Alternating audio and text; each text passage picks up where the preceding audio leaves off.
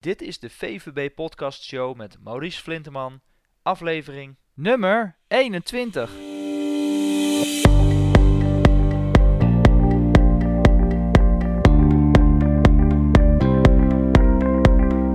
Welkom bij de VVB Podcast Show, waarin je luistert naar experts die je voorzien van de beste informatie, tips en tricks om het rendement op je vermogen te optimaliseren. Vandaag in de podcast Bert de Wolf. Bert is sinds kort vermogensmanager bij de Capital Care Company te Amsterdam. Bert houdt zich al ruim 20 jaar bezig met vermogensadvisering. In de jaren 90 als beurshandelaar op de Amsterdamse Effectenbeurs. En later als senior vermogensadviseur en investment manager bij ABN AMRO Mees Pierson. Waarin hij onder andere individuele mandaten beheerde voor zeer vermogende relaties. Vandaag gaan we bespreken wat is nou eigenlijk de toegevoegde waarde van een onafhankelijk adviseur naast een vermogensbeheerder. Ik denk dat er heel veel interessante tips in naar voren komen en ik wens je heel veel luisterplezier. Vandaag in een VVB podcast Bert de Wolf van Capital Care Company. Uh, jullie hebben ook een, uh, met name een uh, adviserende rol, hè Bert? Welkom trouwens. Klopt, klopt. Ja, dank je. En vandaag gaan we het eigenlijk hebben over een heel belangrijk onderwerp die heel veel vermogende particulieren, maar ook beleggers vaak onderschatten. En dat is eigenlijk wat is de toegevoegde waarde van een onafhankelijk adviseur bij vermogensbeheer. Ja. En ja, de afgelopen tijd uh, is daar wel steeds meer over bekend uh, geworden. Er zijn steeds meer onderzoeken van bijvoorbeeld een Vanguard en een Morningstar die ook de toegevoegde waarde van, uh, van een adviseur hebben uitgedrukt in procenten. Nou, dat is natuurlijk wat meer meetbaar, maar dat zal per situatie natuurlijk ook verschillen. Zo schreef Vanguard bijvoorbeeld in een rapport vrij recent dat het een belegger zelf hè, dus de ondersteuning en toegevoegde waarde van adviseur ongeveer zo'n 1,3% per jaar zou moeten opleveren. Ja. Uh, nou ja, jij bent natuurlijk ook een onafhankelijk adviseur. Hoe, hoe zie jij dat eigenlijk, Bert?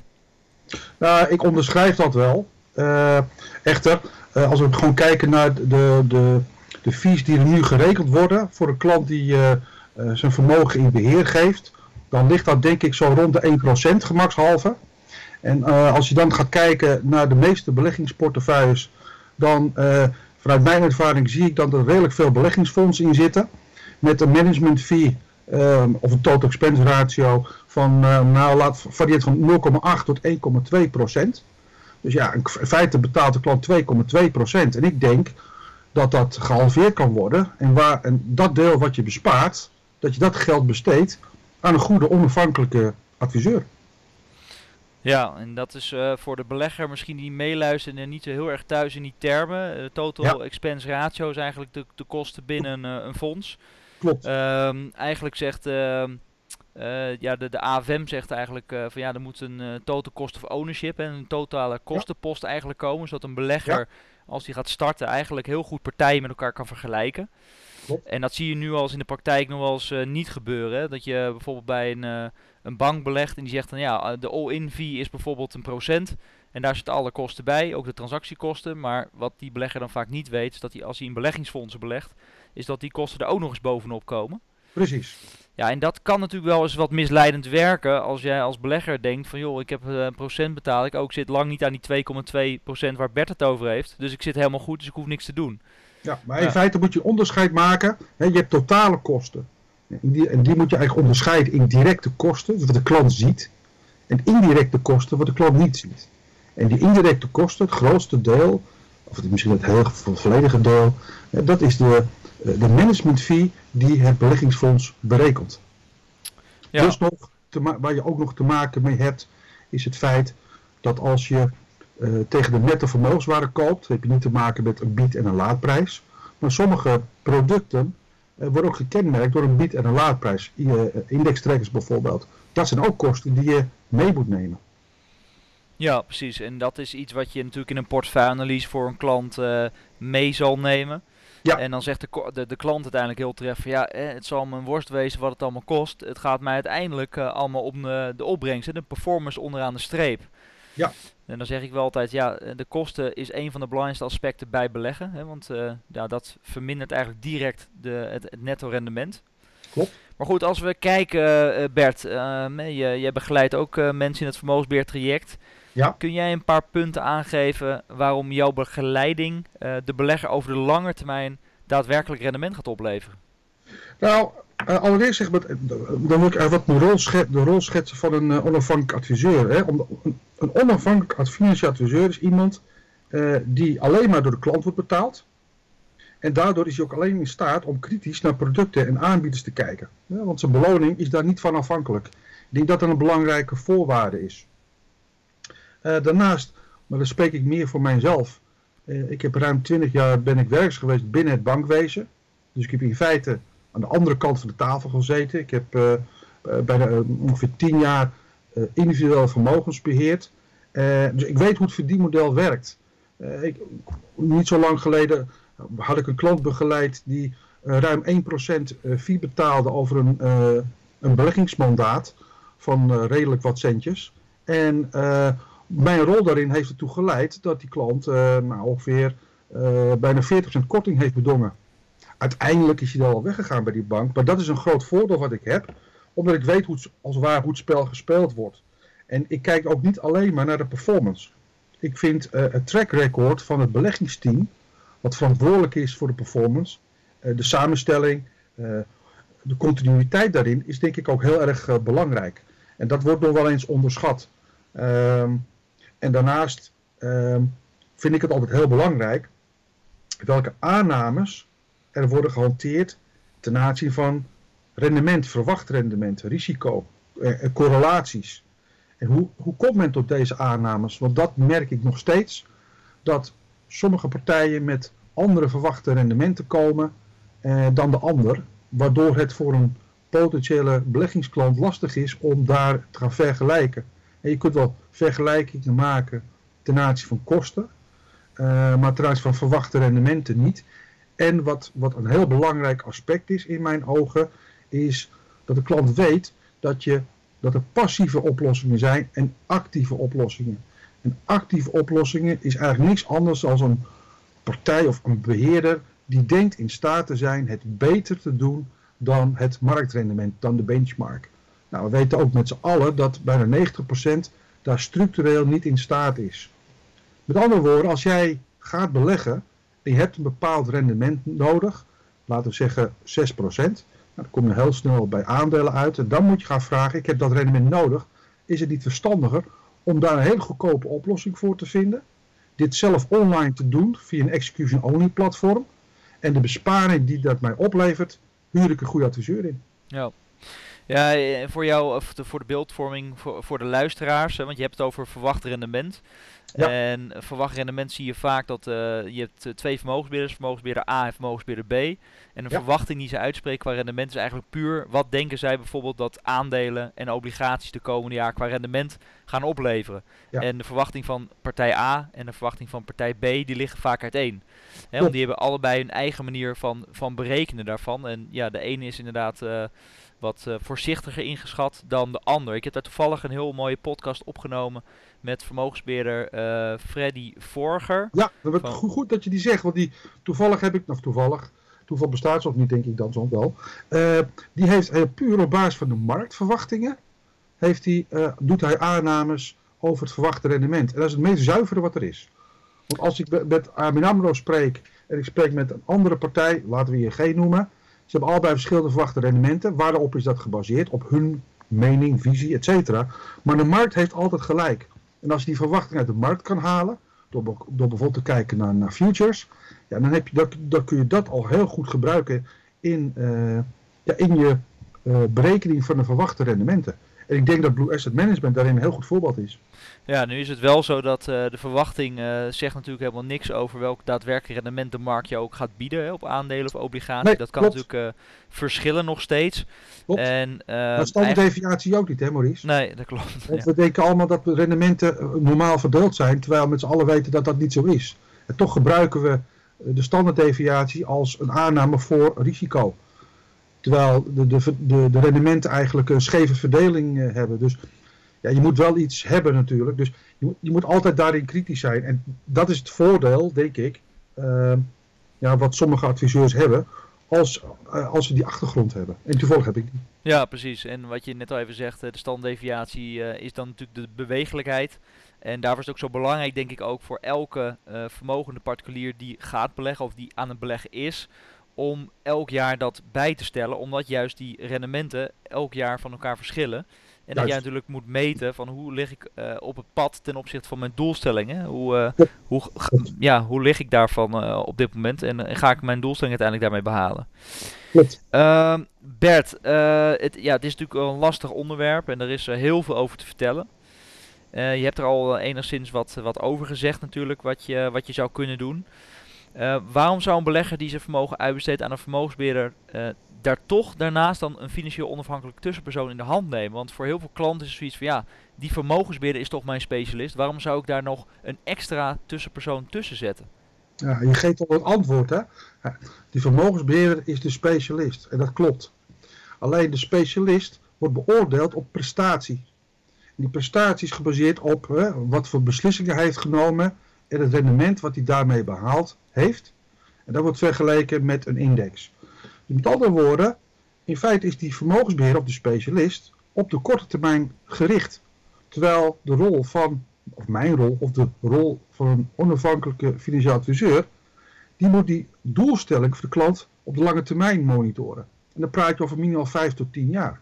Dus op het moment als ik met cliënten spreek en uh, er vinden, uiteindelijk hebben we doelstellingen bepaald, en er, wordt, en er kan belegd worden omdat er een, doel, omdat er een beleggingshorizon is van laten we zeggen 10 jaar. Dan uh, is mijn taak om ervoor te zorgen dat we op het pad blijven. En uh, wat die specialist doet vind ik prima. Maar die heeft een ander belang. Want zijn belang is in feite de prestatie die hij levert op de beleggingsportefeuille. Dus die heeft eigenlijk een ander belang. En vandaar ook wat ik net zei. Uh, als je toch niet kiest voor een actieve beheerder nou, kies dan voor een goedkope oplossing en de besparing, huur daar een adviseur voor in. Uh, dus in die zin uh, moet je het onderscheid maken tussen zeg maar, de generalist, in dit geval de onafhankelijke financiële adviseur, die de doelstellingen bewaakt en eh, in die, in die bewaking schakelt hij of zij specialisten in. In dit geval vermogensbeheerder. Maar dat kan ook een financieringsspecialist zijn of andere zaken. Dus zo kijk ik ernaar. Ja, en ik denk dat een belangrijke aanvulling nog is dat natuurlijk een vermogensbeheerder, wat jij zegt, die is natuurlijk heel erg op de performance. Hè, die wil resultaat neerzetten. En die zal natuurlijk ook altijd zijn eigen performance verdedigen. Dus op het moment dat je als klant aan tafel zit en je hebt een bepaalde performance gehaald, ik noem maar even wat, uh, afgelopen jaar 6%, dan heb jij als klant natuurlijk geen idee wat heeft de rest van de markt eigenlijk gepresteerd. Hè? Wat, wat, presteren, wat uh, presteren de 150 andere partijen in die markt in zo'n soortgelijk profiel. En, uh, en dan lijkt misschien 6% een fantastisch rendement. Maar ja, als de rest van de markt bijvoorbeeld 8% heeft gepresteerd, ja, dan zal die vermogensbeheerder dat niet zo snel tegen jou zeggen. Dus ik denk ook dat je door een onafhankelijke tussenpersoon of een financieel adviseur die je daarin begeleidt, ook een beter uh, uh, onafhankelijk beeld daarvan krijgt. Uh, plus dat hij natuurlijk ook de termen uh, wat kan vereenvoudigen. Veel klanten zitten aan een tafel die knikken ja, maar ze denken nee. Op het moment dat de financieel of uh, dat de vermogensbeheerder wat zegt. En ja, dat is natuurlijk heel erg lastig om door de bomen en al die termen het bos nog te zien. Dus daarin kan een financieel adviseur denk ik ook, ook erg goed, goed helpen. dat klopt. En in die, in die zin, en dat is goed dat je dat ook aanstipt. In dat opzicht fungeer ik in feite als... Ik zorg ervoor dat als er een gesprek plaatsvindt tussen een klant en een vermogensbeheerder en ik zit daarbij, mijn rol is gewoon dienend. Ik moet ervoor zorgen dat die klant het begrijpt, ja. maar dat er uh, ja, een gelijkheid is in het gesprek, als je begrijpt wat ik bedoel. Eh, omdat als, als ik er niet bij zou zijn, dan kan die beheerder roepen van ja, de, de, de, de markten waren afgelopen jaar min 10. Nou, wij hebben min 5 gedaan, dus eigenlijk hebben we het heel goed gedaan. Ja, dan moet die klant eigenlijk knikken. Terwijl ja. je eigenlijk 5% van zijn centjes kwijt is na een jaar. Ja. De rol, en dus om, om het gesprek gelijkwaardig te houden, is uh, mijn rol daarin belangrijk. Ja, nee, precies. Dat, uh, daar ben ik het helemaal eens. En als je dan naar uh, als belegger uh, kijkt, door de ogen van een belegger, ja. waar zou elke belegger dan volgens jou mee moeten starten uh, voordat ze überhaupt op zoek gaan naar een vermogensbeheerder? Want wat je tegenwoordig ziet is dat heel veel beleggers dan, eh, net zoals op een vergelijkingssite natuurlijk waar wij, wat wij hebben, is dat ze dan gaan vergelijken. Dan krijgen ze een, een, een, lijstje met een top 3. En ja. dan denken ze, nou, dan pak ik de nummer 1 en daar ga ik dan ja. daar ga ik starten. Maar wat is daar volgens jou de valkuil van? Nou, de valkuil is, uh, maar dat is nog niet het antwoord, die geef je zo. De valkuil hierin is, is, is timing. we kennen allemaal het verhaal van Fortis Obam. We kennen allemaal het verhaal van Like Mason, Bill Miller. Die al ja, die jarenlang heel goed hebben gepresteerd. Daardoor uh, in de toplijstjes staan. maar als je kijkt op lange termijn, hebben ze het gewoon slecht gedaan. dus je laat je niet leiden door de korte termijn. Maar het draait, het begint met een uitgebreid financieel plan. En niet plan, maar planning. Dus uh, een plan maken en je daaraan houden en ervoor zorgen uh, dat het wordt uitgevoerd. Dan of alleen of je schakelt daar specialisten voor in. Dus ik denk dat je eerst de risico's moet gaan uh, benoemen en je doelstellingen. Dat ga je vervolgens vastleggen. wat ik bijvoorbeeld voor klanten doe is een beleggingsstatuut opstellen. Gewoon heel simpel. doelstellingen, risico's, etc. En vervolgens, als dat helder is, dan ga je kijken hoe ga ik het oplossen. Welke oplossingen zijn er? Dan kun je op productniveau gaan kijken. Maar je kan ook gewoon kijken van, ja, ga ik het passief of ga ik het actief invullen? Eh, wat zijn daar de voor- en wat zijn de nadelen van? Eh, er wordt al wel eens gezegd, als ik in, alleen maar in indextrekkers beleg, eh, dan, dan loop ik theoretisch de kans dat ik in een bubbel beleg. Dat zou kunnen. Dat is zo. Eh, dus da daarin keuzes maken. Maar dan zit je al in de oplossingsfase. Het begint met een duidelijk, helder financieel plan. En dat wordt nog steeds onderschat. Daar wordt nog veel te, veel te weinig aandacht aan besteed. Ja, in Amerika doen ze dat wel een stuk meer. Hè. Dan werken ze wel veel meer vanuit de, de, het financiële plan en uh, op, op werk op de doelstelling. Waardoor je eigenlijk op jaarbasis gaat monitoren van joh, hoe ver sta ik van mijn doelstelling vanaf. Alleen, ik merk toch dat... Het model is ook anders. Hè? Kijk, die, die trailer fees, die kickbacks, hè, de, de, de, de retouroprovisies uh, die we, uh, die klanten als waar men zei, hebben we teruggegeven, maar dan kijk ik even anders naar. Maar hun verdienmodel is natuurlijk wel anders. Kijk, zij worden wel be uh, meestal betaald op basis van een vast percentage van het vermogen van de klant. En terwijl ik op uurtarief werk. Dus het maakt mij niet zoveel uit of een klant heel veel centjes heeft of, of wat minder centjes. Dus dat, dat speelt wel een rol. Ja, dat is per adviseur is dat natuurlijk weer verschillend. Ja. Uh, maar goed, dan nog uh, zie je, en daar wilde, ik, uh, daar wilde ik eigenlijk naartoe, is dat heel veel Nederlandse beleggers in ieder geval niet altijd de toegevoegde waarde zien van een goed financieel plan en daarop gaan aansturen. En zeggen, ja, elk jaar verschilt het weer. En ja, de doelstelling, ja, ik wil zo'n hoog mogelijk rendement behalen. Ja, maar waar, dan zeg je tegen die klant, waarom dan? Waarvoor heb je dat rendement nodig? Hetzelfde met, met pensioen. Ja, heb ik nodig voor mijn pensioen. Ik vraag altijd van wat geef je nu gemiddeld per jaar uit? Oh, zoveel. Nou, als, stel je gaat bij pensioen, kun je nog steeds hetzelfde bedrag uitgeven. Als het antwoord daarop nee is, en ik weet wat die klant wil uitgeven, dan weet ik welk vermogen ik nodig heb. Dus ik ga een plan maken om ervoor te zorgen, dat vanaf het pensioen, dat dat wordt aangevuld. Eigenlijk heel simpel, maar dat, en daar heb ik rendement voor nodig. Daar gaat het om. Het rendement is gewoon een middel om je doel te bereiken. Niks meer en niks minder. Ja, maar er zijn natuurlijk ook beleggers die zeggen, ja, het doel leuk, mijn pensioen is goed geregeld, ik heb geld over, ik wil daar gewoon rendement mee behalen. En ik heb er dus niet echt een concreet doel mee. Nee, maar dan, ga, dan stel ik de vraag van, goh, hoe ziet de pensioen er dan uit? En als een klant daar geen inzage geven, nou prima, dan wordt het geen klant van mij.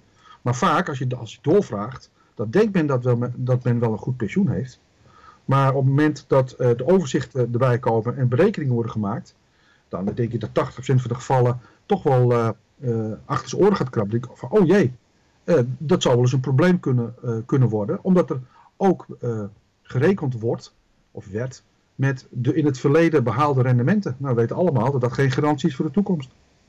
Ja, dus eigenlijk antwoord op de vraag die ik net stelde. Waar zou een belegger volgens jou mee moeten starten als, voordat ze überhaupt gaan zoeken naar vermogensbieders? Dus eerst heel duidelijk in kaart brengen ja, wat, waar ze naartoe willen en hoe ze het willen gaan bereiken. Juist, Juist. En daarbij kan natuurlijk uh, een vermogensbidder, maar ook zeker een uh, financieel onafhankelijk tussenpersoon of financieel adviseur kan daar heel goed, uh, of juist daarin toevoegde waarde leveren.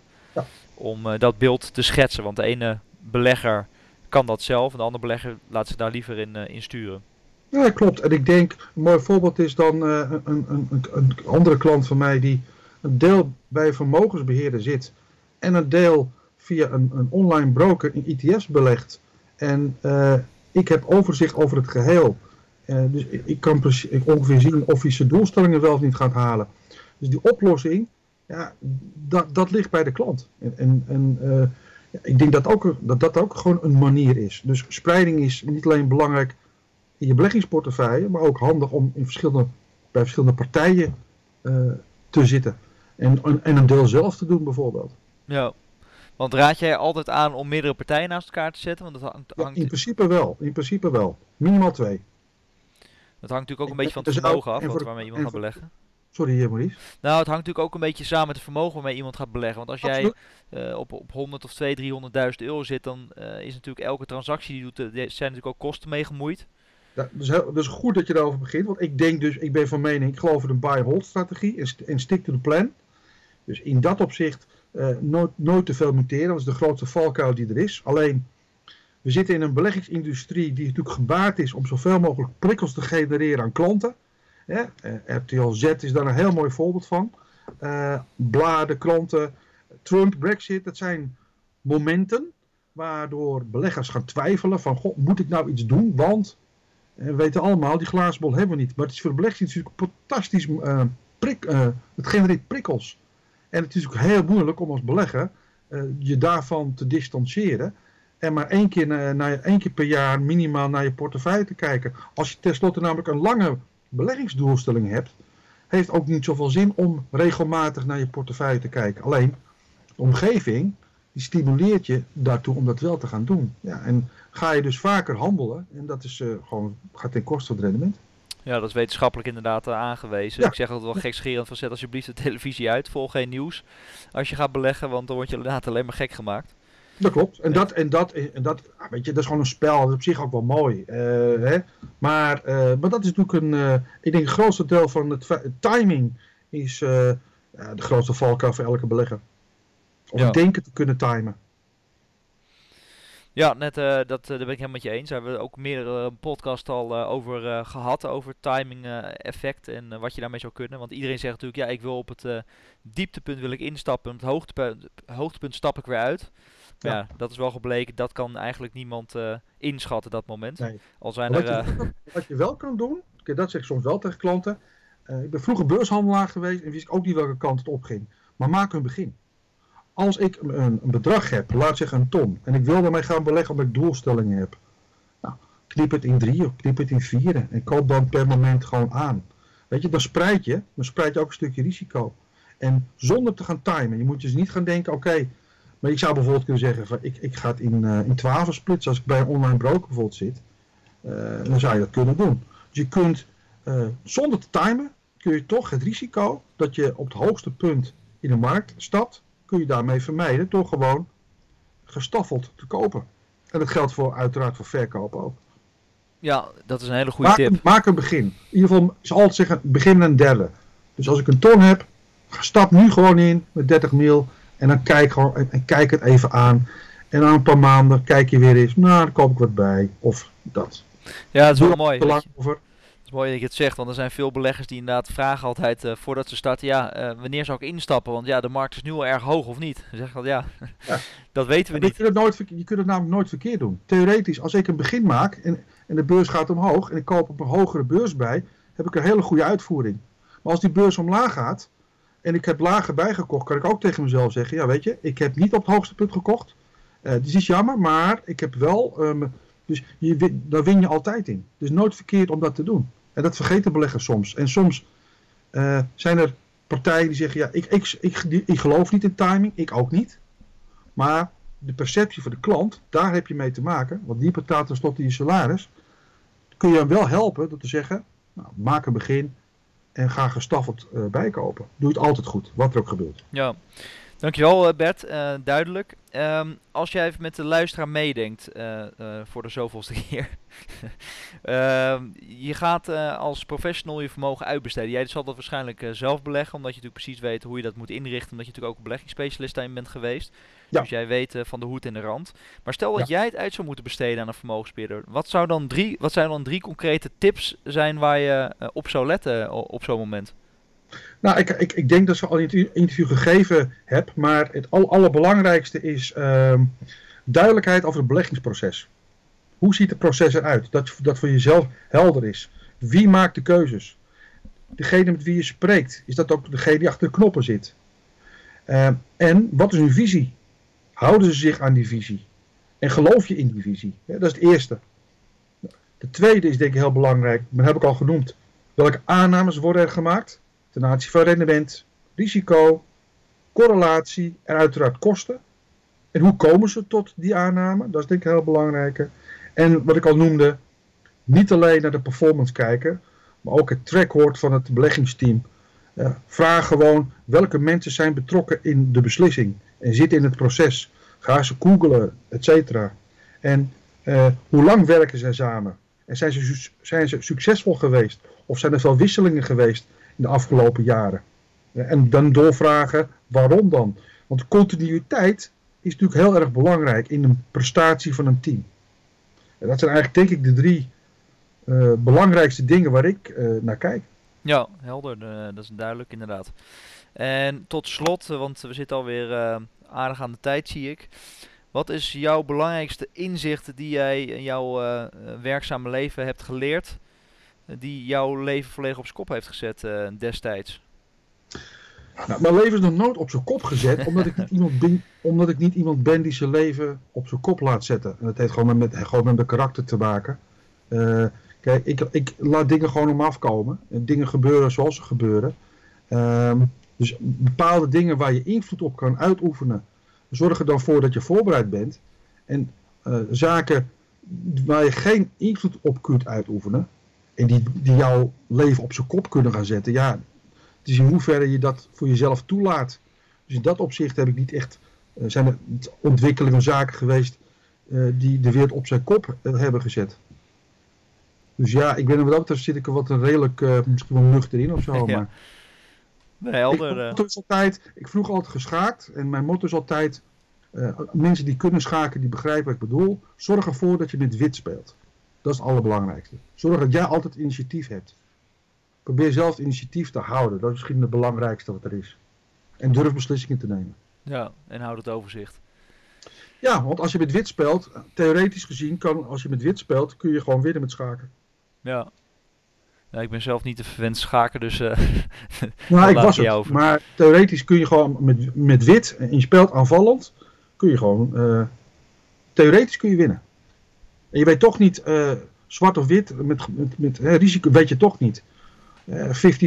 maar zorg ervoor dat je aan de goede kant zit. Dus zorg ervoor dat jij in ieder geval het initiatief hebt. Kun je jezelf ook niks verwijten. Ja. Bert, uh, ontzettend bedankt voor al je tips. Ik ja, denk dat het, tenminste ik hoop dat het voor de luisteraars ook weer duidelijk is en dat ze er een hoop aan hebben. En ik hoop, hoop. hoop jou in de toekomst zeker weer tegen te gaan komen. Ehm, dan wens ik je nu voor, voor, nu in ieder geval een prettige dag verder. Insgelijks, Maurice. Oké. Okay. Oké, okay.